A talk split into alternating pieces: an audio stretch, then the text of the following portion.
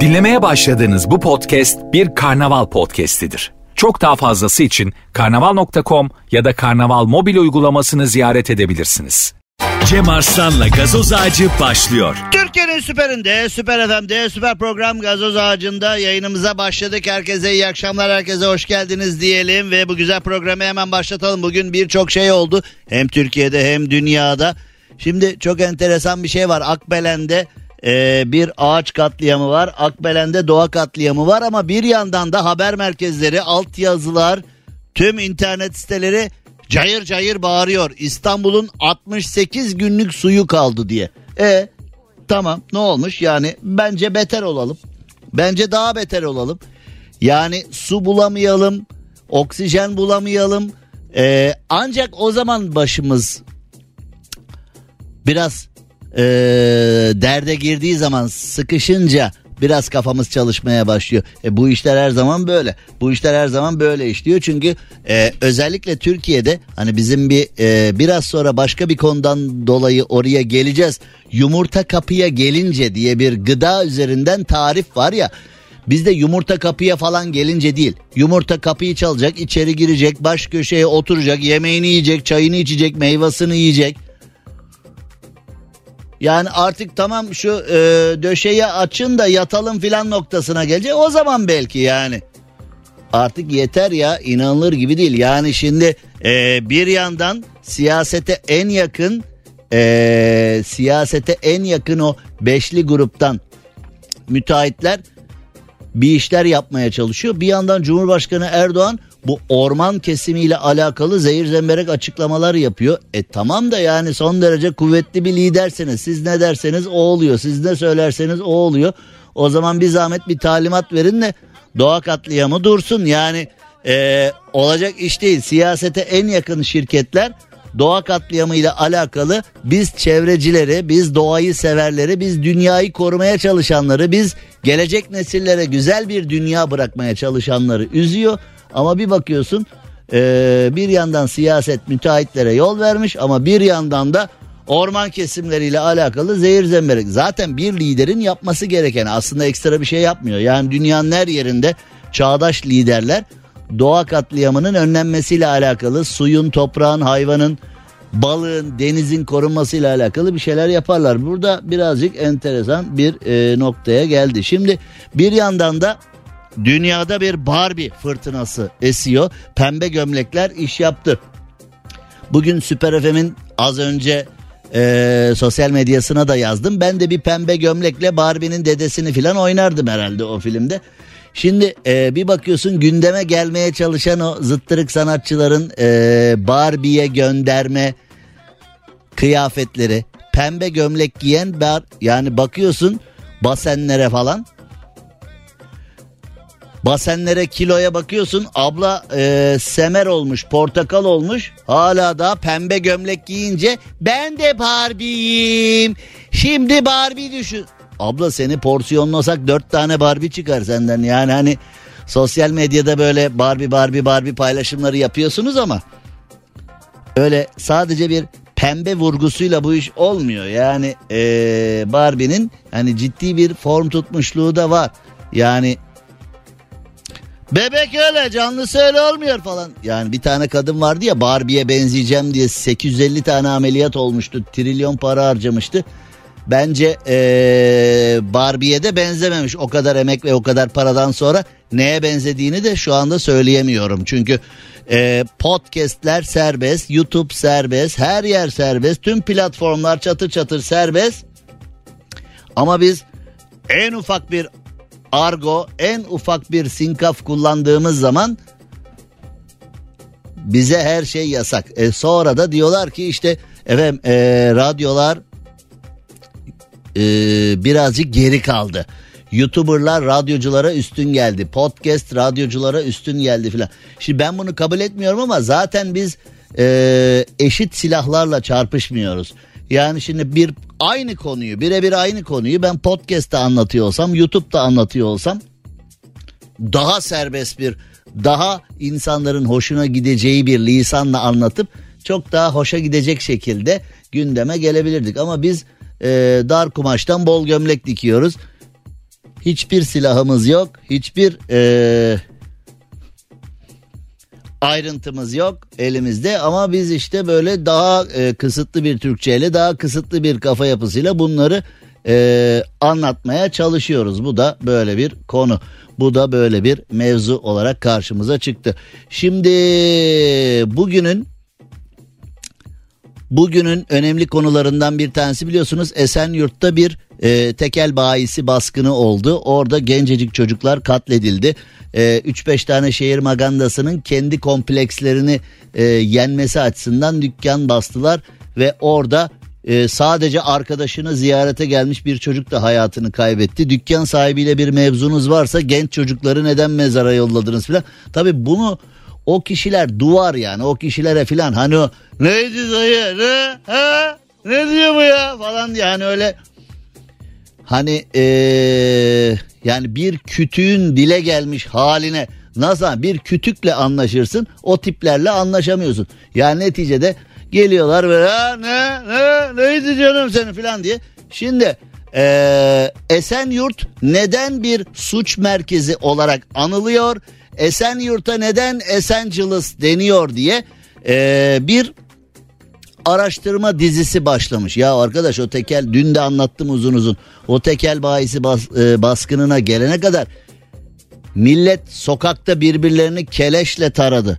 Tarıyor da. Yani son zamanlarda tam 1200 kişi birbirine ateş etmiş ve e, birbirine ateş etmiş ve Yol ortasında insanlar hayatını kaybetmiş. Şimdi e, Esenyurt'un nüfusunun ölçülebilen hali 1.2 milyon e, kayıtsızlarla kaçaklarla beraber 2 milyon olduğu düşünülüyor. Yani şimdi böyle bir e, resmi açıklama var. Kaçaklarla beraber 2 filan.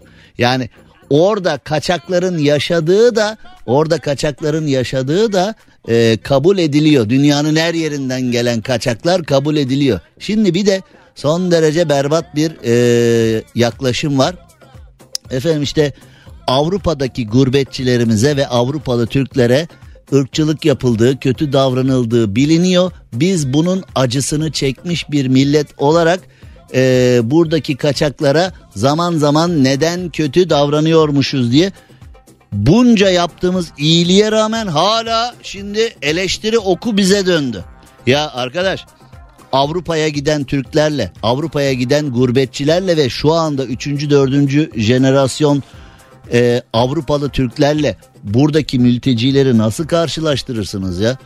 Yani şimdi Almanya'dan heyet geldi köylerde aslında hakarete varan bir seçim yapıldı. İnsanların dişlerine bakıldı böyle bakayım pazuların iyi mi dişlerin iyi mi çürük var mı bilmem ne falan diye. Yani böyle e, pazardan köle seçer gibi alıp alıp gittiler 60'lı yıllarda seyredin belgeselleri. Yani o insanlar belgeyle gittiler. O insanlar yeteneklerine, mesleki yeterliliklerine göre sınıflandırılarak gittiler. Davul zurnayla Almanya'da Münih tren istasyonunda karşıla, karşılandılar. İşlere yerleştirildiler ve bugün Türklerin kim ne derse desin bugün Türklerin Avrupa ekonomisine kattığı ortada. Ee, Türklerin tamamı paralarını bankadan çekse Türklerin tamamı 3 2 1 işi bıraktık dese Avrupa çok ciddi çöküyor. Avrupa ekonomisinde çok ciddi bir çökme oluyor. Türklerin Avrupa ekonomisine sağladığı katkı ortada. E, hepsinin vatandaşlığı var, oturum izni var, evi belli, yeri belli, yurdu belli, arabası belli, dükkanı belli. E, çocuğu okuldaysa çocuğunun durumu belli, bilmem ne filan falan. Şimdi biz ne diyoruz? Esenciles'ın yani bilinen adıyla Esenyurt yani Esenciles daha meşhur olan adı ee, Esenyurt'ta 1.2 resmi nüfus kaçaklarla 2 diyor bak kaçaklarla 2 diyor. Yani o kaçaklarla 2 diyor belki o 3 de hani fazla da abartmayalım falan hani şimdi infial olmasın falan gibisinden de konuşuluyor. Yani aynı şey mi Allah aşkına ya? Yani Avrupa'ya giden gurbetçilerle Avrupalı Türklerle bizim ülkemize gelen mültecilerin durumu aynı mı? Mülteciler burada ayran elden su gölden ellerine bir market kartı verilmiş, ellerine bir sağlık kartı verilmiş. Türk vatandaşından daha keyif keka yaşıyorlar. Yani Neticede aynı şey olabilir mi ya? Bu böyle düşünenler var. Kimsenin düşüncesine ipotek koyacak halimiz yok. Ben hayatım boyunca 53 yaşındayım. 29 yıldır yayın yapıyorum. Özgürlüklerin peşinde koştum. İnsanların özgür olması gerektiği, istediği gibi düşünmesi gerektiği. Ee, ha o düşünce doğru olur, eğri olur. Ee, doğruysa kabul ederiz. Doğru değilse kardeş düşünmeye devam et ama ben seninle aynı fikirde değilim deriz. Ee, barış içinde farklı düşünceleri dinleriz, farklı düşünceleri değerlendiririz ama kabul edip etmemek de bizim özgürlüğümüz. Yani ee, dinlemek özgürlük ama e, o düşünceleri kabul etmemek de bir özgürlük. Ama hani böyle düşünenler var kimseye böyle düşünmeyin kardeşim falan diyemeyiz ama bu düşünceyi asla ve asla asla ve kata kabul etmiyorum. Avrupalı Türklere kurban olsunlar. Yani Avrupa'daki Türkler neler yaptı neler bugüne kadar. Avrupa'yı ayaklandırdılar resmen ya. Yani herkes bunu kabul etmiyor. Almanya filan. Ya e, evet yani söylediklerinizde doğruluk payı var elbette ama öyle filan diyorlar da. Bugün ben Avrupa'ya çıktığımda hep böyle o çeteleri şunları bunları konuşuyorlar. Bir de gidin bakalım Almanya'da açılan marketleri, restoranları başta olmak üzere şirketli sadece şimdi Türk deyince Türk dediğin taksici olur dönerci olur Avrupa'da diyorlar. Yok ya Avrupa'daki doktorlar, Avrupa'daki mühendisler, Avrupa'daki şirket sahipleri, Avrupa'daki avukatlar hani bunlar göze batmıyor. Hep böyle bir Türk deyince sadece Avrupa'da dönerci var bir de taksici var gibi algılanıyor. Bir de otomobil fabrikalarında çalışan işçilerimiz gibi algılanıyor. Bir de havalimanında e, işte görevliler temizlikten idari işlere kadar görevliler. Sadece bunları ortaya çıkartıyorlar. E, kalanlar Avrupa ekonomisinde bugün şirket kurup yanında Almanları çalıştıranlar var. Bunları da unutmamak lazım. Ee, bugün Esenyurt'tan girdik konuya. Esenyurt'taki o kaçaklarla Avrupa'yı karşılaştırmış çoğu kişi. Bundan vazgeçelim. Yani mültecilerin durumuyla. Keşke mülteciler de Avrupa'daki Türklerin e, Avrupa'ya kattığını bize katabilseler. Onların eline kartı vermişler. Onlar kahvede nargile, kahvede okey tavla, e, ondan sonra efendim işte Avrupa'daki Türkleri e, biliyorsunuz onlara kötü davranılıyor. Biz de e, yani zaten kimsenin kötü mötü davrandığı da yok da. Yani bu yorum bana gerçekten e, çok gerçek dışı geliyor. Gerçek dışı geliyor. Aynı şey değil. Kısa bir ara geliyoruz hemen sonra dünya olaylarına, Türkiye olaylarına bakacağız. Cem Arslan'la gazoz ağacı devam ediyor.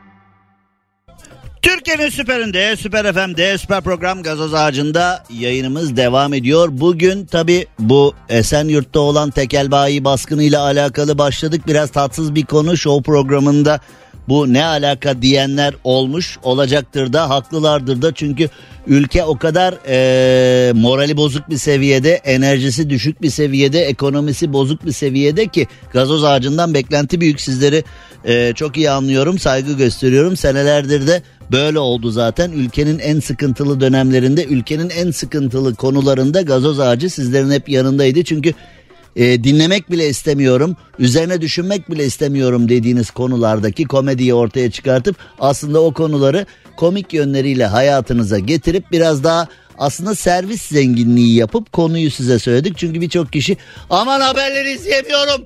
Ana haberi kapatıyorum artık bıktım. Ölüm ölüm ölüm ölüm zam zam zam zam zam. Bazen de zam zam zam zam zam ölüm ölüm ölüm. Bıktım bıktım bıktım deyip haberleri Türkiye'deki gelişmeleri görmek istemiyorsunuz, duymak istemiyorsunuz. Ee, deve kuşu gibi kafayı kuma sokmayalım, kaçmayalım diyoruz ama bu ülke şartları hepimizi birer küçük deve kuşu haline getirdi. Çözümümüz sadece bu. Çünkü kimseye derdimizi anlatamıyoruz. Vatandaşın konuları vatandaşın konularını çözmekle mükellef olan kişiler oy almış, iktidar olmuş konunun başına geçmiş kişiler kendileri eskort araçlarla, silahlı korumalarla her yere 5 dakikada gidiyorlar trafik yaşamıyorlar. Her yerde daha onlar gitmeden güvenliği sağlanıyor günler öncesinden. Gittikleri yerde bir sıkıntı da yaşamıyorlar. Gittikleri yerlerde baklavalar, börekler, ikramlar, ikramlar, ikramlar, ikramlar en güzel şeyleri yiyorlar, içiyorlar. E, dolayısıyla da birisi onlara ülkede sıkıntı var enerji düşük vatandaş mutsuz dediğinde ne alakası var ya biz şakır şakır gidiyoruz her yere. Allah Allah biz de havalimanından merkeze gidiyoruz çıkır çıkır yol akıyor ya filan deyip kendileri sırça köşklerde saraylarda yaşadığı için zannediyorlar ki ülkenin her tarafı dört dörtlük. Şimdi e, psikologlar, psikiyatrlar, konuyla ilgili sosyologlar filan şimdi televizyonlarda, internette herkes boy boy açıklama yapıyor. Esenyurt'taki olaydan yola çıkarak Türkiye'de şiddeti engelleyebilir miyiz? Engelleyemezsin. Engelleyemezsin çünkü cezalar son derece yetersiz cezalar. Yani şimdi birisi yakalanıyor gasptan, cinayetten, yaralamadan, hürriyetten, alıkoymadan, hırsızlıktan, narkotikten hakkında 500 tane dosya var. Hala benle aynı kaldırımda geziyor. Seninle aynı kaldırımda geziyor. Vatana millete saygılı devletine saygılı insanlarla devletine, vatana, millete, yasaya, anayasaya, insanlara, hayvanlara saygısız olan tipler aynı kaldırımda kuşlar gibi hür bir şekilde geziyor. E nasıl olacak yani suç makinalarını e, denetimli serbest bırakma, işte e, adli kontrol şartıyla serbest bırakma. Yani şimdi birisi ya ben bunu vurursam, ben bunu döversem, ben burada taşkınlık çıkartırsam hapislerde çürürüm duygusuyla. Biz küçükken ya biz küçükken yani polisin eve gelmesi var ya yani mahalleden taşınan biliyorum ben ya. Yani böyle bir sebepten dolayı eve gelmişler. İyi günler Cem Arslan burada mı oturuyor? Karakoldan geliyoruz falan. Benim ailem yerin dibine geçerdi ya. Ee, kapıya polis getirildi diye. Şimdi hani yere göğe sığdıramadığımız Türk aile yapısı. E tamam çok önemli. Ben ailemden yani eskiden polisten korkmazdık. Ailemizden korkardık. Yani kapıya polis gelirse Kapıya polis gelirse ne deriz ya? Kapıya polis gelirse babama ne derim, anama ne derim, komşuya ne derim filan diye. Hani polisin götürdüğü, mahkemeye çıkardığı, ceza aldığı filan onlar çok sonradan geliyordu. Ailemize olan sorumluluğumuzdan kaynaklı. Şimdi o diziler hep o mafya dizileri gerçeklerle alakası olmayan mafya dizileri filan. Çoluk çocuk hep böyle işte memati olmaya özeniyor. Polat Alemdar olmaya özeniyor. O mafyalardaki ne kadar it kopuk tip varsa onlar olmaya özeniyor. Filmler öyle. Yani bir tane işin içinde mafyanın olmadığı dizi senaryosu yok. Hep böyle mafya, hep mafya, hep mafya, hep mafya. Bir bakıyorsun bir tane abi var böyle arabada etrafında insanlar para sonsuz, jipler sonsuz, uçaklar, yatlar sonsuz. Baba hemen ara geliyorum de, ara geliyorum de. Ya eskiden bizim hani bu telli oğullarıyla anladınız değil mi? Hani telli oğulları, o turşucular bilmem neler yani kavgalarımız bile Seferoğulları, telli oğulları kavgalarımız bile sempatikti. Şimdi artık hep böyle saldırı, kurşunlama, saldırı, kurşunlama. E şimdi medya bu kadar pompalar gel.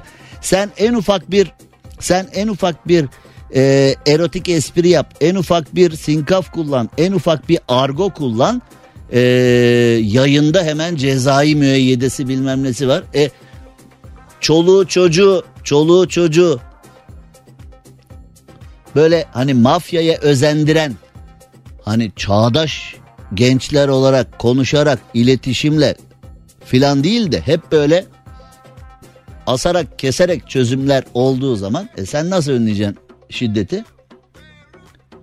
E şimdi böyle e, insanlar birbirine artık böyle çeteler kurulmuş. Mahallede böyle birkaç olay yapıp kendini yükseltmeye çalışan tipler, ismini parlatmaya çalışan tipler, e, mahallenin ünlüsüdür filan diyen tipler. Kardeşim kabadayılık aleminde yok böyle bir şey. Biz yani ne kabadayılar gördük ne delikan. Bir defa kabadayılar aleminde, mafya aleminde çoluğa çocuğa kimse bulaşmaz. Bu Esenyurt'taki e, tekel bayi baskınına bakıyorsun. Arkadaşının yanına ziyarete gelmiş 21 yaşındaki çocuğu e, vurmuşlar. Mafya aleminde filan böyle şeyler yok. Kabadayı aleminde böyle şeyler yok. Kabadayı aleminde e, kişilerin kişilerle derdi vardır. Onlar da birebir kozlarını paylaşırlar. Yani burada böyle şeyler filan hani bunun adını mafya, bunun adını böyle bitirimlik, bunun adını kabadayılık falan koyamazsınız. Yani bunun adını delikanlılık, bunun adını Böyle hani bize yanlış yapıldı biz de gittik hallettik filan. Yani şimdi yaşayan Türkiye'de e, kanunları e, yükseltmek gerekiyor. Şimdi o baskın görüntüleri infial yaratınca Emniyet birdenbire Esenyurt'ta silah araması uygulama. Ya arkadaş bugüne kadar 1200 kişi öldü 1200. Yani bugüne kadar derken şu son 1-2 yılda 1200 kişi öldü bu silahlı çatışmadan, kavgadan bilmem neden. Şimdi biz uygulama yapıyoruz. Esenyurt'ta işte silah arıyoruz, bıçak arıyoruz. Aranması olan kişi var mı onu arıyoruz. Polis ne yapsın abi? Polis yakalıyor. Polis yakalıyor. Yani bir kişi yakalandığı zaman üzerinden gasptan, yaralamadan, cinayetten 50 tane dosya olduğu ortaya çıkıyorsa bu yakalandığı için ortaya çıkıyor. Polis yakalıyor, savcılığa götürüyor. Hakkında bin tane dosya var. Savcılıkta işte adli kontrol şartıyla serbest bilmem ne falan şudur budur. Ama bakıyorsun mesela trafikte kavga ettiğin kişi savcı çıkarsa ya da mesela bir savcının ya da hakimin evi soyulursa falan hani senin benim evim soyulduğunda 180 dosyası olan hırsız adli kontrol şartıyla serbest kalırken o hırsızın soyduğu ev savcının hakimin evi çıkarsa o hırsız güneş göremiyor bir daha filan. Yani şimdi kanunlar butik olmuş. Siyasi gücüne göre, konumuna göre, o konunun kimin başına geldiğine göre falan değişiyorsa e sen suçu nasıl engelleyeceksin? Bugün cebinde, bugün herkesin cebinde bıçak var. Yani özellikle ee, erkekler çok dikkatli olmak lazım. Trafikte kimseyle kapışmamak lazım. Şimdi bir kapışırsın adam keleşle iniyor aşağı. Adam ee, bıçakla iniyor aşağı ve ee, hani o tatlıcıların olayı filan ön kaportada zıplama filan onlar basit işler kaldı. Yani trafikte kardeşim niye yanlış yerden geliyorsun filan diyorsun karşıdan adam keleşle iniyor. Yani şimdi dikkatli olmak lazım. Şimdi ee, bir de sanki sokak gerçeklerini bu kadar iyi bilmiyormuşuz gibi işte psikolog dernekleri başkanı az önce çıkmış efendim suçu önlememiz gerekiyor. İnsanları e, konuşarak anlaşmaya falan böyle bilmiş bilmiş e, lafla e tamam önlememiz gerekiyor önleyemiyoruz işte. Yani bu kadar insan 1200 kişi 1500 kişi tarandıktan sonra mı bu gerçek ortaya çıktı? Yapmıyorsunuz işte bugüne kadar sadece böyle Hani televizyonlarda katıldığımız açık oturumlarla bu iş olmuyor. Sahaya inmek lazım sahaya. Şimdi mesela bakıyorsun işte ül- ülkenin ünlü haber kanallarında birkaç tane konuyla ilgili bilim insanı çağırıyor. Efendim Esenyurt'taki şiddeti nasıl önleyebiliriz? E, e, efendim şimdi bu konuyla ilgili Amerika'da raporlar var efendim. Meksika'da e, Brezilya'daki çeteler için polis şunu yapmış. Anlatıyor baba saatlerce anlatıyor. Sen de böyle bir çay demliyorsun. Evet ya bak burada da vallahi olmuş ya evet ya. Dinliyorsun dinliyorsun. Sonra sahaya iniyorsun sahaya. Sahaya indiğin zaman. Ya sahadaki uygulamalarla bu iş halledilir. Sahada uygulama yok. Yani siyasetçiler de öyle ya. Mesela e, benzine dizele zam geliyor. Belimiz bükülüyor. Ben e, arabaya yakıt aldım. 1400-1500 arası doluyordu. 2400 olmuş. Yani gaza basarken böyle ayağımın altında eskiden yumurta var derlerdi. Şimdi artık böyle ya yumurta falan bile değil yani. Böyle gaza basmasa üflesem gider mi araba falan diye düşünüyorsun. Ama şimdi konunun yetkilisi siyasetçi çıkıyor diyor ki Avrupa'nın en ucuz benzini bizde falan diyor. İyi de Almanya'daki e, bir asgari ücretle çalışan kaç litre benzin alabiliyor? Türkiye'de asgari ücretle çalışan kaç litre benzin alabiliyor ona da bir bakalım yani. Şimdi Avrupa'nın en ucuzu bizde eyvallah falan da yani. Yani. Şimdi bizde işte böyle bu butik işleri bırakmadığımız müddetçe adaleti sahaya indirmediğimiz müddetçe sahada adalet yok sahada sahada. Yani televizyonlarda işte o havuz medyasında yandaş medyada filan dinlediğin zaman her şey dört dörtlük yani bugün her şey mükemmel. Bugün yandaş medyanın ana haber bültenini izle. Böyle kendini böyle bir acayip hissedersin. Süpermen gibi hisseder. Ben nerede yaşıyorum ya falan diye. Hani eyvallah. İşte bak şimdi bir tane son derece lüks bir jip e, Galata durağında İstanbul'da tramvay durağına girmiş. Neden? Çünkü o jiple geziyor diye siyasi bağlantıları kuvvetli diye Ankara'da tanıdığı var diye kendini normal trafiğe layık görmüyor. Ben tramvaydan giderim. Bu enayiler normal yolda saatlerce trafik beklerken ben tramvaydan giderim diye. Sonra o raylar üzerinde gittiği raylar e, kendisine bir e, hatıra olarak kalmış işte şimdi. Orada sıkışmış kalmış. E şimdi böyle artistik yaparsan ilahi adalet diye de bir şey var. Yani biz sahadaki adaleti biz kuramazsak yüce yaradan o ilahi adaleti bize e, sergiliyor işte böyle oluyor. Sen herkes trafikte çile çekerken tramvay yolundan gideceksin. Niye jipim var tanıdığım var benim arkam sağlam falan. E işte o zaman e, raylarda hatıra kalır sana. Cem Arslan'la gazoz ağacı devam ediyor. Türkiye'nin süperinde, süper FM'de, süper program gazoz ağacında yayınımıza devam edelim. Evet Türkiye bu baskın mevzusunu, Türkiye bu şiddet konusunu çok konuşuyor. Ee, sizlerden de yüzlerce mesajlar gelmiş. Katılan, katılmayan, alternatif fikir üreten e, söylemler de olmuş ama genel anlamda e, bana katılmış çoğu kimse. Yani neticede e, adalet sahaya inmediği müddetçe bu işler olmayacak. Sadece yukarılarda bağlantıyı bulan hallediyor bu işleri. E, bu konuyla da alakalı sizlerden gelen mesajlara küçük bir e, cevabi mevzu olsun. Yani bu abi bizim partiden ya abi bizim tanıdık ya abi bizim Hasan abinin yeğeni o ya bu seferlik idare edelim falan. Hani böyle şeyler olduğu müddetçe adalet kimin nesi olursa olsun aynı şekilde gidiyor. Şimdi Joe Biden'la eşi Amerika'da bir plajda tatil yapıyor şu anda. Ee, şemsiyenin altında unutmazlar inşallah babayı. Bir tane e, plajın ortasına bir tane şemsiye koymuşlar. Altına da iki tane şezlong koymuşlar. Joe Biden'la eşi orada takılıyorlar. O güneşin altında etrafta da ajanlar var.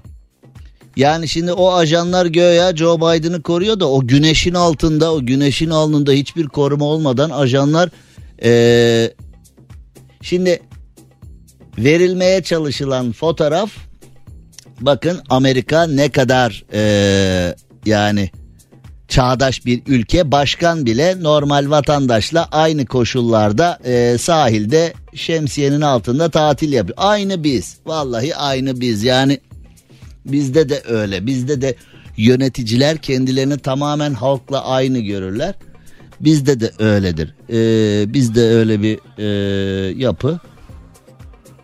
Fakat şimdi bakıyorsun Delaware'deki bir halk plajında deniz, kum ve güneşin e, tadı çıkartılmış. Biz de mesela düşünüyorum Cumhurbaşkanı Erdoğan e, bir halk plajında gidip böyle bir e, şey yapmak istese olabilir mi diye. Halk plajını geçtim ya çay bahçesinde oturacak. Yani ben de halkım gibi gideyim millet bahçesinde bir bankta oturayım. E, karton bardakta bir çay içeyim yani millet bahçesinin tadını çıkartayım falan diye bir defa Cumhurbaşkanı Erdoğan'la eşi oraya gitse ona yakın olmaya çalışanlar ona yakın durduğu zaman ee, böyle hani devletteki yerim hazır diye düşünenler ona yakın durursam ihale işim hallolur diyenler ona yakın durursam e, her işim yolunda gider diyenler ona yakın durursam süper olur diye. Bir defa o millet bahçesinin etrafında binlerce insan niye toplandığını da bilmeden Cumhurbaşkanı Erdoğan gelmiş biz de orada toplandık. Evet niye? Bilmiyorum toplandık sadece diye hani Şimdi Amerikan başkanına bakıyorsun Delaware'deki halk plajında deniz, kum, güneşin tadını çıkartmış. Kitap okuyor öyle yani klasik bir soğutucu çantasını almış. Yanına e, içecekleri falan koymuş. Öyle hani e, bizdeki gibi o içeceği biri versin bir hani elde böyle araba kumandası gibi bir şey oluyor. Cıcık bastığın zaman evet cıcık basıyorsun hemen çay geliyor. Buyurun efendim filan. Beyefendilerden sipariş alın. Çay mı içersiniz kahve mi filan. Bizde öyle ilkel durumlar hala devam ediyor. Ama Amerikan başkanı soğutucu çantasını almış, suyu içinde, içeceği içinde, şezlonga oturmuş. Her şeyi kendisi hallediyor. Bizde öyle bir şey yok. Bizde öyle bir şey yok. Birisi kalkıp çayını kahvesini kendisi aldığı zaman bizde o böyle o şuraya bak ya nasıl çayını kendi alıyor ya filan deyip o bizde düşük profil bir hareket. Yani o bizde kabul edilmez. Fakat ajanlara baktım. Güneşin alnında ajanlar böyle o plaj şemsiyesine uzakta etrafı sarmışlar. İyi başına güneş geçip bir saldırı olsa bile Allah korusun Başına güneş geç... e, Efendim ben onu göremedim ya. Başım o sıra tansiyon 20 olmuş benim güneşten falan deyip. Yani bana saçma geldi ama tabii o etraftaki ajanlardan da hariç kim bilir gözükmeyen ne güvenlik önlemleri alınmıştır. Ben Washington'a gittiğimde sırtımda sırt çantası var. İçinde bir şey yok. İçinde bir iki hava sıcaktı, bir iki yedek tişört, suyum e, filan var. Yani bir iki bir şey var. Sırt çantası var. O e, Beyaz Saray'ın olduğu sokağa, Beyaz Saray'ın ana giriş kapısının oraya kadar gittik. Orada protesto vardı. Protestoyu öğrenmeye çalıştım. Trump'a küfür ediyorlardı bilmem ne falan. Hiç ne karışan var ne görüşen var. Sırt çantasıyla kapıya kadar gittim. Hop hemşerim dur bakayım o sırt çantasında ne var? Sen niye burada yürüyorsun? Sen şüphelisin sırt çantan var. Orada bir şey mi var? Suikastçı mısın? Hiç soru soran falan olmamıştı. Sonra bir başkası dedi ki yavrum sen oraya adım attığın anda o çantanın üretildiği materyalin liflerinden senin adım sayındaki ee, standarda kadar veya kalp atışına kadar her şeyi tespit etmişlerdir görünmeyen yöntemlerle. Ama dışarıdan bakıldığında hani bakın ne kadar çağdaş ülke. İsteyen istediği gibi dolaşıyor Beyaz Saray'ın etrafında duygusu yaratıyorlar ama iç tarafta böyle. E takdir edilesi bir şey. Zaten rahatsız etmeden yapılan güvenlik dünyanın en kaliteli güvenliğidir. Böyle silahlı adamlar bilmem ne beklerken bu rahatsız edici bir güvenlik sistemidir. Güvenliğin en tatlı olanı kimse fark etmeyecek. Kimse anlamayacak. Günlük hayat normal devam edecek ama güvenlik önlemleri de en üst seviyede olacak. Çağdaş güvenlik anlayışı bu. Bizde ee, bir tane devlet büyüğü saat 19'da bir yoldan geçecekse saat 16'dan itibaren kapatıyorlar orayı. Hadi buyurun bakalım şimdi. Yani saat 19'da böyle 150 ile diye oradan bir devlet büyüğü geçecek diye yollar filan kapalı. Biz oralara ne zaman geleceğiz bilmiyorum. Şimdi madem Amerika'dan bahsettik bir ikondan daha bahsedelim. Sharon Stone evet dünyaca ünlü seks sembolü oldu. Nereden sonra? Temel İçgüdü filminden sonra. Temel İçgüdü filminden sonra dünya böyle bir e, cinsel obje olarak hatırladı Sharon Stone'u. Erotik kişi olarak hatırladı. E, güzelliğin sembolü, cinselliğin sembolü, erotizmin sembolü olarak Sharon Stone her yerde taklit edildi. Saçı, kıyafeti, hareketleri filan falan falan filan. Şimdi Sharon Stone geçenlerde bir podcast programına katılmış. Chris Wallace'ın podcast programında demiş ki temel içgüdü filminden sonra seks sembolüne dönüştüm. Yolda yürüyemez hale geldim. Hayranlarım kırmızı ışıkta arabanın üzerine tırmandı. Bu nasıl bir hayran? Benim de hayranlarım var. Kimse bizim araba Allah'a şükür. Gerçi benimki de beni bıçakladı. O da yani hani bende de bir enteresan hayran. Benim hayranım da geldi bıçağı sapladı bana 30 dikiş kalbimin üstüne. Geber falan. Bu nasıl hayranlık? Geber deyip 30 dikiş beni ikiye kesti. Ee, gerçi o tabi deliye yattılar falan yani ee, hiçbir şey olmadı. Bıçaklandın sen ne oldu diyenlere soruyorum hiçbir şey olmadı. Yani hayat devam etti. Beni bıçaklayan kişi benim raporum var bana bir şey olmaz dedi dışarı çıktı hakikaten de çıktı filan falan. Şimdi herkes arabamın üzerine tırmandı yeşil ışık yandı arabalar korna çalmaya başladı insanlar arabamın tepesindeyken araba kullanmak yasal mı bilmiyorum. Bak yani Amerika'daki kanunlara bak şimdi hani Esenyurt'ta şiddet biter mi? Türkiye'de şiddet biter mi diyorsun? Sharon Stone'a bak hani ben Hollywood yıldızıyım ya kim bana bir şey diyecek karakola düşsem o karakolun müdürünü var ya sürdürürüm sürdürür Alaska'ya sürdürürüm falan diyor mu Sharon Stone? Bak Sharon Stone'un arabasının üzerine dünyanın cinsel objesi diye insanlar tırmanmış arabanın üzerinde zıplamışlar Sharon Stone Sharon Stone Sharon Sharon Sharon falan diye. Sharon Stone'un o psikolojide düşün araba kullanıyorsun arabanın üstünde 50 kişi var. Sharon Stone'un o psikolojide aklına ilk gelen şey aklına ilk gelen şey arabamın üzerinde insanlar varken yeşil ışık yanıp gaza basınca bu yasal mı? İşte kanun böyle olur. Şimdi Amerika'ya konuşuyoruz işte bebek yüzlü şeytan teröre destek veriyor bilmem ne. Kendisi rahat yaşasın diye dünyanın her yerinde kan dökülmesine seyirci kalıyor. Şu bu bilmem ne zart zırt zart zırt zart zırt. Amerika ile alakalı birçok negatif eleştiri yapabiliriz ama Amerika'nın yetiştirdiği Sharon Stone'sun ya. Bu arada Sharon Stone'a da bir notum var. Ee, benim yaşadığımı bile bilmediğine eminim de. Sharon Stone'a da benim bir notum var. Bu film çekildi 1992'de. O bunu açıklıyor 2023'te.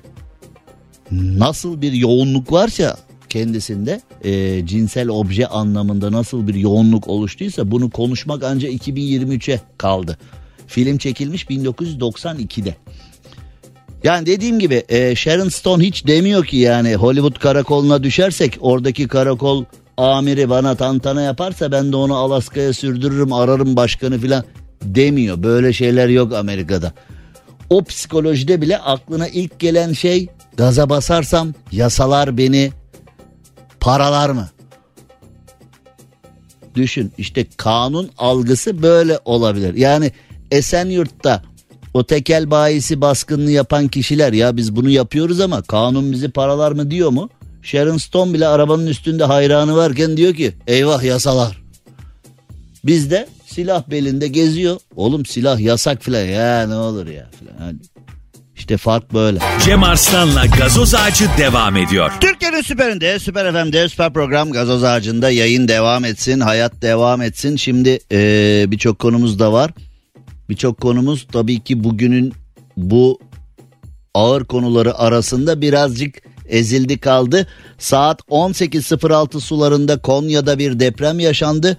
Ee, Konya'dan bizi dinleyen sevgili dinleyicilerimize geçmiş olsun dileklerimizi iletelim. Konya Valiliği bize ulaşan bir sıkıntı yok. Bize ulaşan bir sıkıntılı durum yok ama saha incelemelerimiz devam ediyor demiş. Şu ana kadar gelen bilgiler arasında can ve mal kaybı gözükmüyor Konya'da olan depremin ardından ama tabii ki e, deprem öyle bir konu ki can mal kaybı olmasa bile şimdi e, biz sadece depremlerin ardından oluşan tabloya can ve mal kaybı olarak bakıyoruz ama insanların psikolojisi çalınıyor.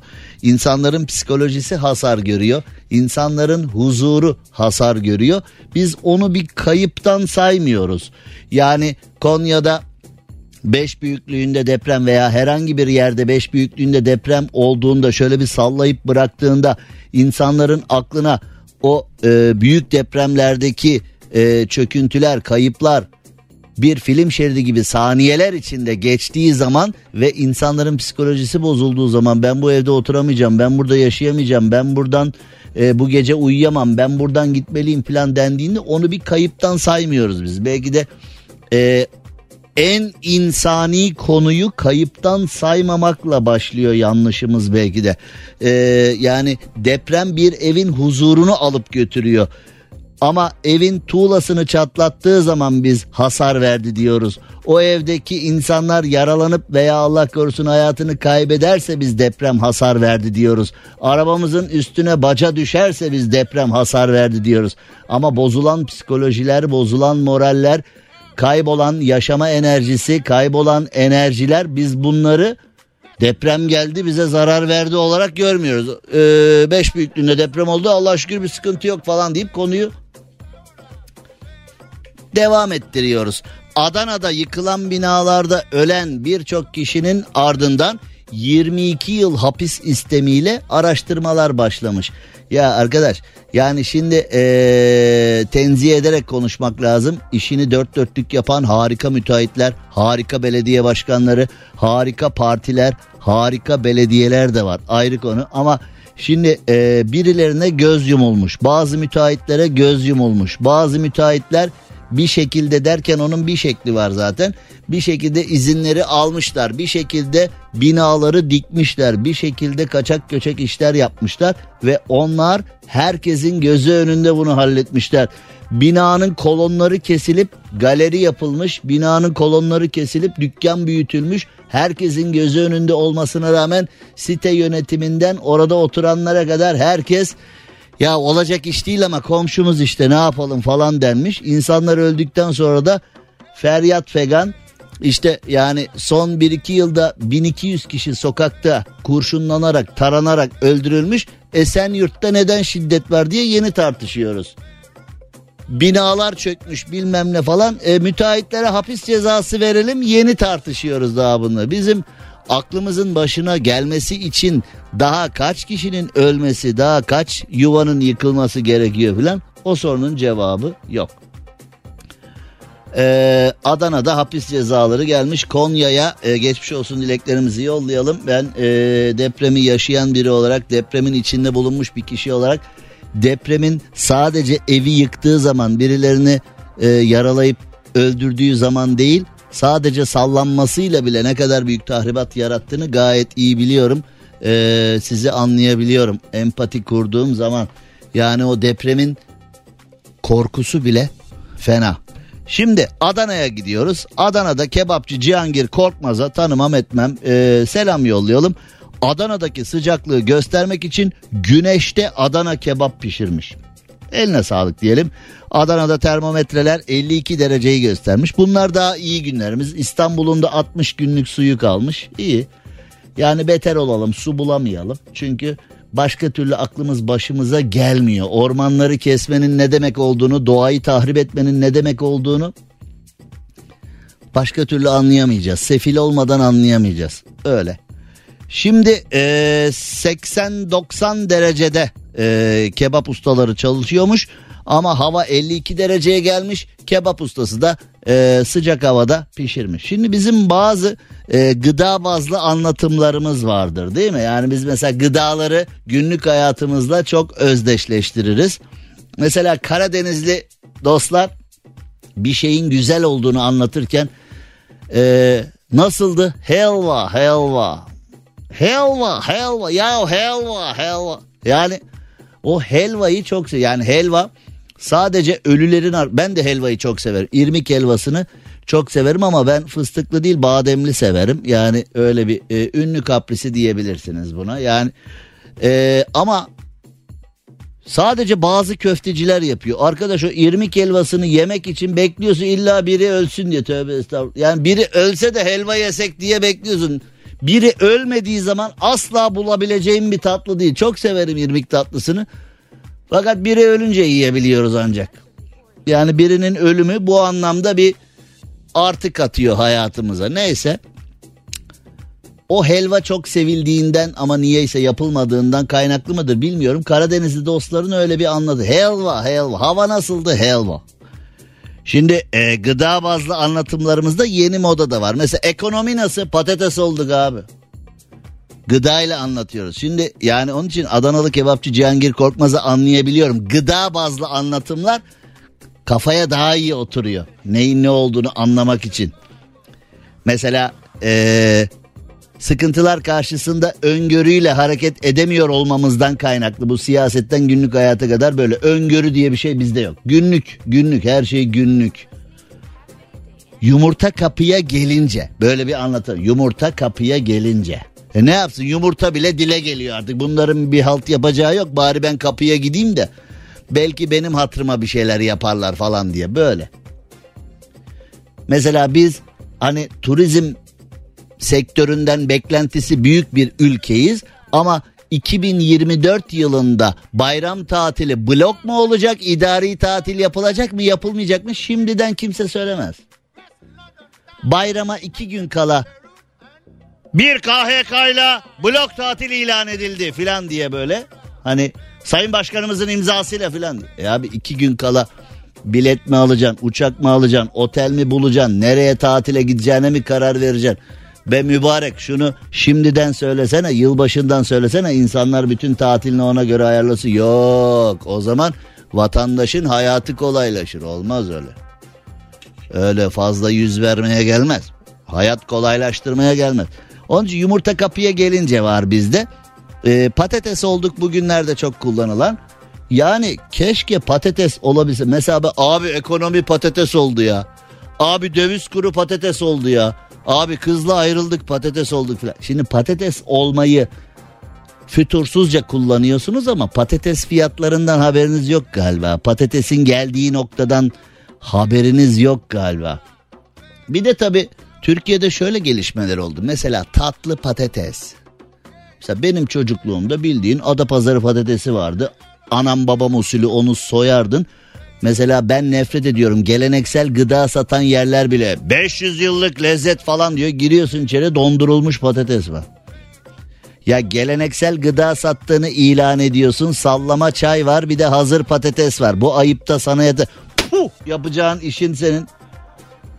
Geleneksel gıda satan firma sallama çay ve dondurulmuş patates kullanır mı? Tam patates olmuşsun işte. Bunu söylüyorum mesela garson. Ben ne yapayım abi patron böyle filan. Garsonlar da Garsonlar çok satışçı olur kusura bakmayın. Mesela garsona anlatırsın anlatırsın ben şunu şöyle istiyorum bunu böyle istiyorum falan filan diye. Ürün gelir hiç senin istediğin gibi değil. Hemen ya patronu satar ya aşçıyı satar ya mutfak görevlisi. Ben anlattım abi yapmamış falan mı? E tamam ne yapayım ben gideyim şimdi aşçıyı mı döveyim yani ne yapayım yani şimdi ben? Ya da gidip patronun ağzına bir tane mi vurayım ben bir saat anlattım böyle diye. Patates olmak noktasında tatlı patates. Bir yandan patates fiyatı yükseliyor. Biz klasik patatesi bile alamaz hale geliyoruz ama bir yandan da ülkemize sağdan soldan değişik patates türleri geliyor. Mesela tatlı patates gibi, e, misket patatesler falan gibi. Yani onlar yoktu bizde ama biz normalini alamazken bir de yelpazeyi genişlettik. Nasıl oluyor? Bir de nostaljik anlatımlar var. Gıda ile anlatım nostaljik noktasında da peynir ekmek yiyoruz vardı. Benim çocukluğumda hani birisi fakirliğini anlatmak adına peynir ekmek hazır yemek. Abi nerede öyle et alacak filan durumumuz yok. Evde çoluk çocuk peynir ekmek yiyor. Peyniri nereye alıyorsun da nereye yiyorsun ya? Peynir ekmek mi? Eskiden fakir yemeğiydi. Şimdi al da görelim. Mesela eskiden kuru fasulye bulgur pilavı. Fakir yemeğiydi. Kuru fasulye nereye alıyorsun? Et yok abi hep sebze yiyoruz filan. Şimdi sebze fiyatı eti geçti. Et sebzeyi geçti. Etle sebze arasında ciddi bir yarış var. Helva helva. Bir de romantizm vardı. Zeytin gözlüm sana meylim nedendir? Bu sevmenin kabahati kimdedir? Zeytin gözlüm kiraz dudaklım falan diye hep böyle hani gıdayla anlatım çok meşhurdur. Adanalı kebapçı Cihangir Korkmaz doğru bir şey yapmış. Vatandaşa gıda bazlı bir şeyi anlattığın zaman daha iyi anlıyor. Mesela gittiğin ortamda mutsuz ne istiyordun oğlum ne bekliyordun oğlum baklava börek mi açalım sana filan. Yani baklava börek açılan ortam güzel ortamdır. Baklava börek yoksa o ortam sakıncalı eksik ve alt perdeden bir ortamdır duygu.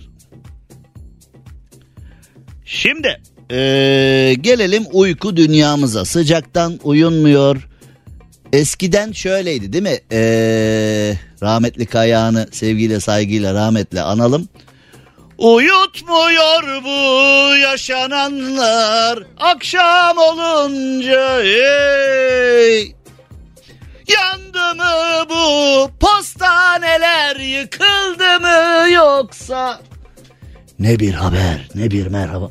Şimdi eskiden aşk acısı uyutmazdı. Şu anda uyumamak için bin bir tane sebep var. Sıcaklık bunlardan biri. Kredi kartı borcumu ne yapacağım bunlardan biri. Çekimi senedimi ödeyemiyorum bunlardan bir başkası. Ee, eve ekmek getiremiyorum bunun ağır yükü İstediğim hayatı yaşayamıyorum. Bunun ağır yükü uyumamak için o kadar çok sebep var ki yani işte sevdiğim kıza varamadım, sevdiğim çocuğa varamadım filan. Bunlar artık köhne bahaneler kaldı. Uyumamak için bir sürü sebep varken bilgisayar dünyası uykuda oynanan bir oyun geliştirmiş. Yani bu oyun uykuda oynanıyor. Uyurken oynuyor. Kapat o bilgisayarı uyu artık sabah okul var falan. Hani o anne fırçası var ya. Şimdi bu yeni oyun uyurken oynanıyor. Uyurken şimdi uyurken yaptığımız şeyler belli. Bunun sonuçlarını da uyanınca bazen e, fiziki bazen hayali olarak e, görebiliyoruz, hissedebiliyoruz. Ee, bu da belli ama uyurken bilgisayar oyunu acaba nasıl oluyor buna az sonra bakacağız. Cem Arslan'la gazoz ağacı devam ediyor. Türkiye'nin süperinde, süper FM'de, süper program gazoz ağacında yayınımıza devam edelim. Evet az önce küçük küçük bir kıllandırma yaptım.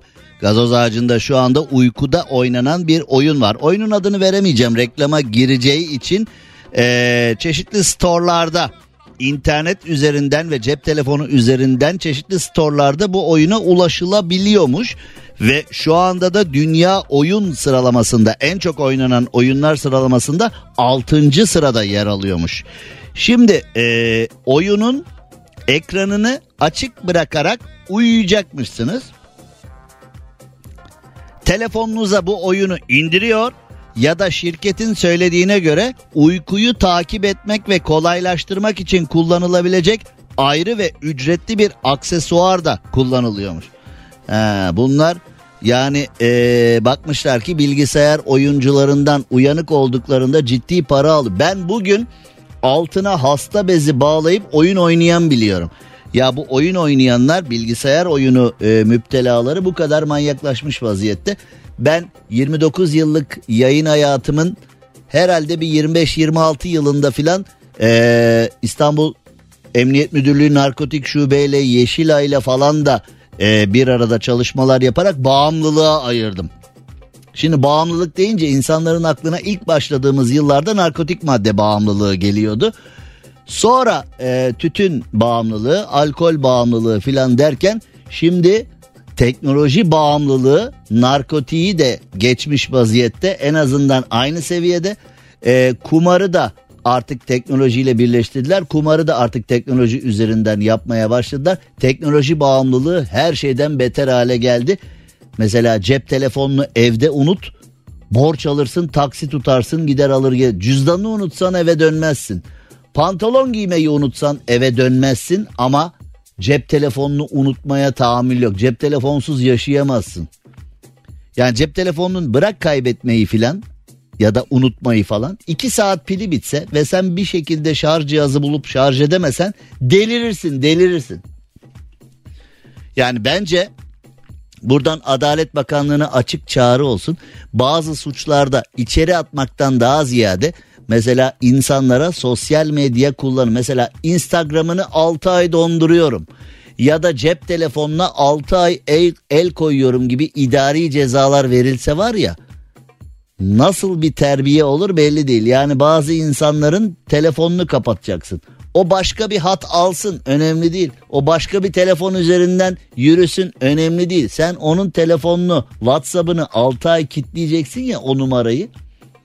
Perişan olurlar vallahi. Şimdi bu şirkette demiş ki bu şirketin iddiası bu oyunun iddiası bu. Bu oyun uyurken oynanıyormuş ve bazı aksesuarlar ilave ederek uyurken daha iyi oynayabiliyormuş. Ya normalde biz eski kafa insanlarız. Uyurken oynadığımız şey belli. Yani uyurken gördüklerimiz belli. Uyurken oynadığımız şey belli. Nedir uyurken oynadığımız şey? Günlük hayatta rastladığımız konuları, günlük hayatta rastladığımız kişileri mesela var ya yani böyle ilkokul arkadaşını görürsün yıllar yıllar sonra. Sonra rüyanda ya ben ilkokul arkadaşımla beraber iş kurmuşum büyük paralar kazanmışız. Oradan birlikte tatile gidiyormuşuz. İki kızla tanışıyormuşuz. E, bilmem ne falan hani böyle illa bir erotizm olacak yalnız içinde. Erotizm olmadan olmaz falan. Hani yani rüyada bunlarla oynuyorsun. Günlük hayatta rastladığın kişiler ve onların senin hayatına getirdiği hikayelerle çoğu zaman çok az ilintili geri kalan kısmını üstün açık kaldığı için uydurduğun senaryolarla bezediğin şeyler var. Yani biz uykuda nasıl oynayacağız? Ayrıca bu acaba aldatma sayılıyor mu? Mesela bir adam düşünün teknoloji bağımlısı. Hasta bezi bağlayarak e, bilgisayar başından hiç kalkmıyor. Günde 15 saat bilgisayar oynuyor. 20 saat bilgisayar oynuyor. Tuvalete bile kalkmıyor. Yemek için bile kalkmıyor. Her şeyi ayağına istiyor. Karısı diyor ki ya gel iki çift konuşalım. Yok. Yani iki öpüşüp koklaşalım. Yok. Yok yok ihmal ihmal ihmal ihmal. Teknoloji bağımlısı olmuş bilgisayar oyunundan başka gözü hiçbir şey görmüyor. Öyle birini düşünün. Yani yazık sevgilisi karısı diyor ki herhalde artık mecburen uyuyacak yatağa gelecek illaki. İllaki yatağa gelecek. E şimdi bu uykuda oynanan oyun çıktığı zaman acaba bu bir aldatma sayılır mı? Sen yatağımıza başka birini getirdin. Başka biri değil kızım oyun getirdik ya Allah Allah. Bak ilişkimize hareket geldi yatağımıza oyun getirdik falan deyip hani Yeter ya yatakta da mı oyun uykuda da mı oyun ya bir kere de beni düşün ya. Yani yatağa oyun getiriyorsun artık. Eve getirdiğin yetmiyor yatağa kadar taşıyorsun. Yani mahkemede bu bir hakim bey yatağımıza kadar getirdi ya. Utanmadı ya yatağımıza kadar ya. Hani şimdi yatağımıza kadar deyince eskiden bu bir kırık aşk hikayesi, kırık bir aldatma hikayesi olarak karşımıza çıkardı. Şimdi artık bilgisayarlar partnerleri çalma noktasına geldi. Telefonlar, oyunlar partnerleri bitirdi. Artık bu nasıl olur? Vallahi bilmiyorum nasıl olur ama yatağa kadar geldiyse ee, bugün yatağa giren yani yarın artık ee, yarını düşünmeyelim. Yani yarın e, bu konuyla ilgili yarını yarına bırakalım. Fena. Şimdi Amerika'da bir küçük uçak denize çakılmış. Bunun videosunu da izledim. Siz de izlemiş olabilirsiniz büyük ihtimalle. Amerika'nın New Hampshire eyaletinde çok sayıda kişinin bulunduğu plajda küçük bir uçak denize çakılmış. Yani büyük olsa çakılmayacaktı diye düşünelim. Yani Küçük küçük tabii küçük olunca çakılıyor tabii evet. Yani ben yıllarca sivil havacılıkla uğraştım evet biliyorum. Küçük uçak çakılır arkadaş. Yani sen sen ol büyük uçak kullan küçük uçak çakılıyor. Çakılıyor abi bunlar model olarak böyle hani. Bizim böyle enteresan sanayi ustaları var ya. Ustam sabahları marş basmıyor dediğin öğleni bekle falan deyip hani. Ya da ustam burada bir uyarı ışığı yanıyor asla sönmüyor. Bu modeller böyle çıktı bu modeller. Öyle büyük sanayi yalanı var ya bu modeller böyle. Türkiye 50 senedir bu iki cümleyle başa çıkamadı. Öğleni bekle bu modeller böyle. Bu iki sanayi yalanı şimdi de böyle. Küçük uçak denize çakıldı diye. Büyük olsa. Şimdi ee, uçakta herhangi bir yaralanma, herhangi bir ölüm olayı da olmamış.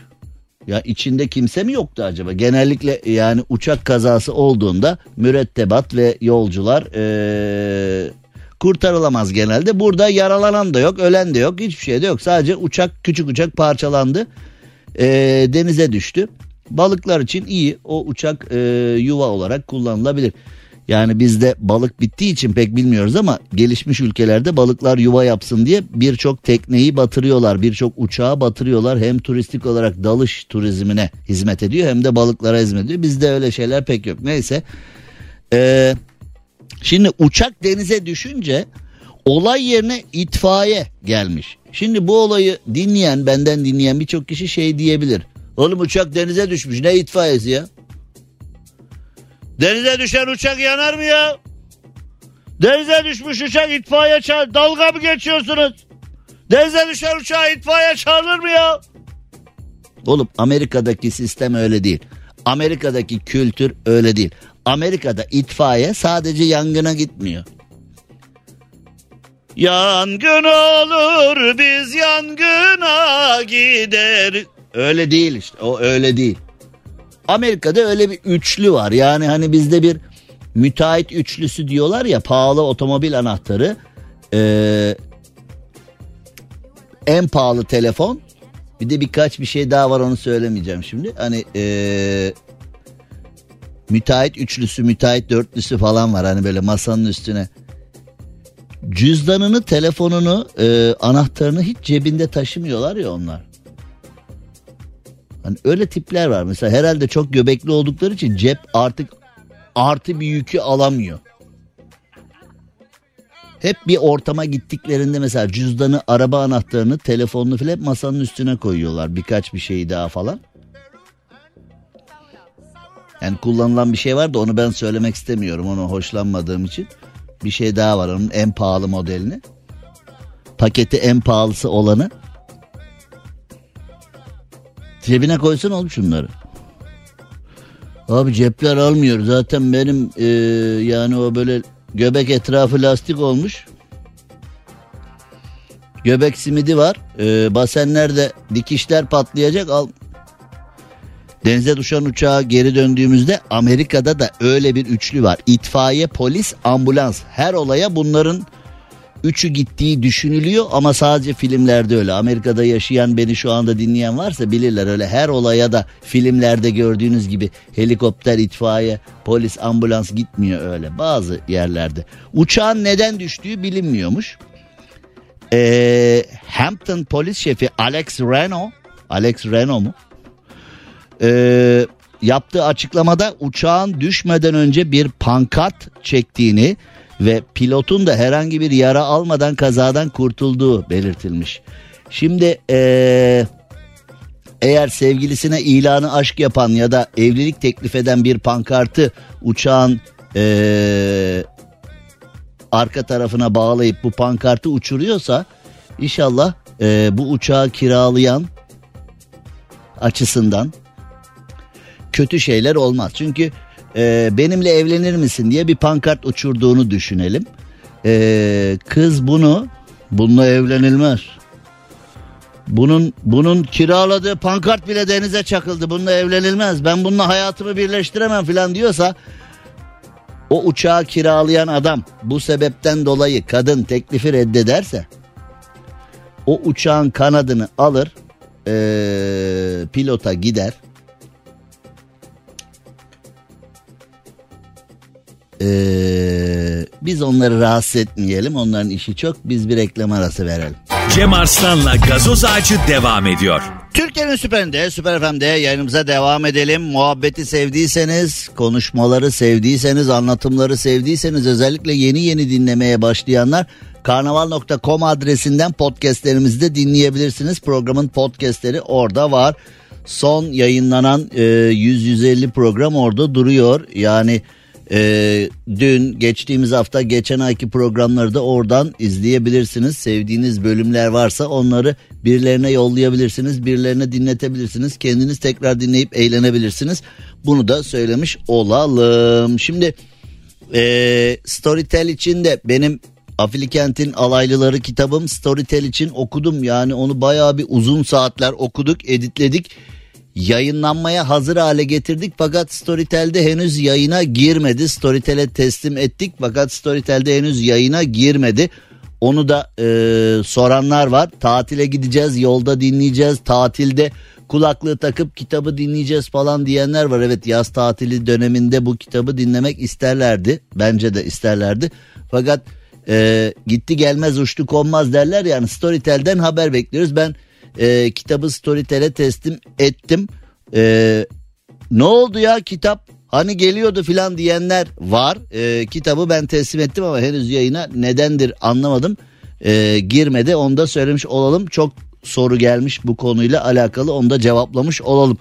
Şimdi e, buradan Selçuk Bayraktar'a açık bir çağrı olsun. Şimdi e, askeri alanda birçok adımlar atıldığı silah sanayinde yerli adımlara da e, yer verildiği yerli adımlar konusunda da adımlar atıldığını takip ediyoruz medyadan da. E, şimdi mesela dedektörle sahilde ava çıkanlar var. Yüzük düşüren, kolye düşüren, küpe düşüren, saat düşüren varsa onları sahillerde toplayan onları satarak hayatını kazanan tipler tanıyorum ben. Yani şimdi e, sahildeki kumları halleden ne alakası var şimdi e, silah sanayiyle falan diyeceksiniz.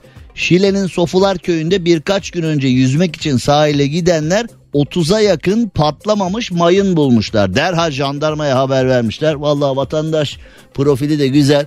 Yani eski vatandaş profili olsa onu böyle sopayla falan süpürgenin sapıyla falan itip bu ne ya falan deyip Hani Cem Yılmaz'ın oyunlarında vardı ya uranyum uranyum falan diye. Öyle yapmaya kalkabilirdik. Şimdi hemen yetkililere haber veriyoruz ama yani bizim sahillerimizde işte e, Çanakkale Boğazı'nda savaşlar oldu, İstanbul Boğazı'nda savaşlar oldu. Geçmiş yıllardan bir şeyler kalmış olabilir. Bunlar sıkıntı yaratabilir. E, demek ki Selçuk Bey'in uğraşması gereken bir başka konu daha var. O sahilde yüzük küpe filan bulan küçük çapta dedektörlerin yerine sahilde vatandaş bulmasa da vatandaş bulmasa da bizim bulmamız gereken patlamadan kimseye zarar vermeden bulmamız gereken mayınlar olabilir. Böyle bir dedektör yapmamız lazım. Ee, yani defineciler gibi sahilde nasıl yapamıyoruz bunu? O 30 tane mayın orada nasıl kalıyor yani? Küçücük yüzükler, küpeler bulunurken o mayınlar nasıl orada bulunmadan kalmış? Ee, zor demek ki e, halledilmesi gereken bir iş daha var. Selçuk Bey'e bir iş daha çıktı.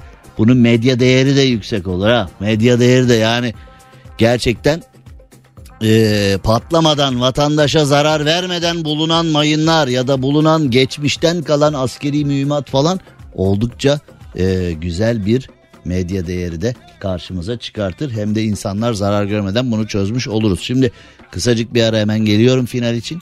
Cem Arslan'la gazoz ağacı devam ediyor. Türkiye'nin süperinde, Süper FM'de artık finali yapalım. Yavaş yavaş vedalaşacağız. Eskilerden bir dost, eskimeyen bir dost. Sevgili Emre Yıldız'a bir selam yollayalım. O da Bodrum'da şu anda bizi dinliyormuş. Emre diyor ki seni dinliyorum diyor. Hemen hanım yanımda falan. Tamam oğlum aldık mesajı tamam anlatmayacağız bir şey tamam. Bodrum'da seni dinliyorum dedikten sonra ikinci cümle hanım da burada. Olunca yani insan tabii şimdi durup dururken niye bunu söylüyor hani böyle onu. Emre Yıldız güzel adamdır, baba adamdır, canım kardeşimdir. Yenge de şanslı insan. Böyle bir insanın hayatını geçiriyor. Canım Emre'ye, canım Emre Yıldız'a bir selam. Ay ay vay be yaşlandık be. Yaşlandık. Evet finalde sizi üzmek istemezdim ama yılbaşından yılbaşına trafik cezalarına zam geliyor ya. Trafik cezalarına yüzde 112.9 civarı da zam gel. Bu ne arkadaş ya? Yani bizim gelirlerimize yüzde 112 diye bir artış oluyor mu? Yani işçiye memura yüzde bir fazla verecekler diye ödleri kopuyor ama bir şeylere zam yaparken trafik cezalarına da yüzde 112.9 olarak zam gelmiş. Şimdi tatil zamanı aracına yakıt bulabilen mutlu azınlık bizim Emre gibi Bodrum'a falan gidiyor.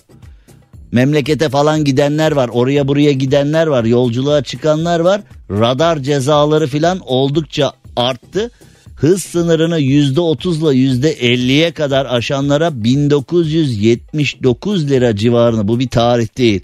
Yani tarih bu kadar yüksek cezayı yazmadı ama 1979 tarih değil cezanın miktarı TL TL. Yani e, radar cezaları, Cem Arslan'la gazoz ağacı devam ediyor. park cezaları, e, çeşitli trafik hatalarından kaynaklı cezalar oldukça arttı. Yılbaşından yılbaşına artardı hani bilmiyor olabilirsiniz. Ee, yolculuğa çıktığınızda dikkat edin. Zaten araca yakıt bulmak oldukça zor.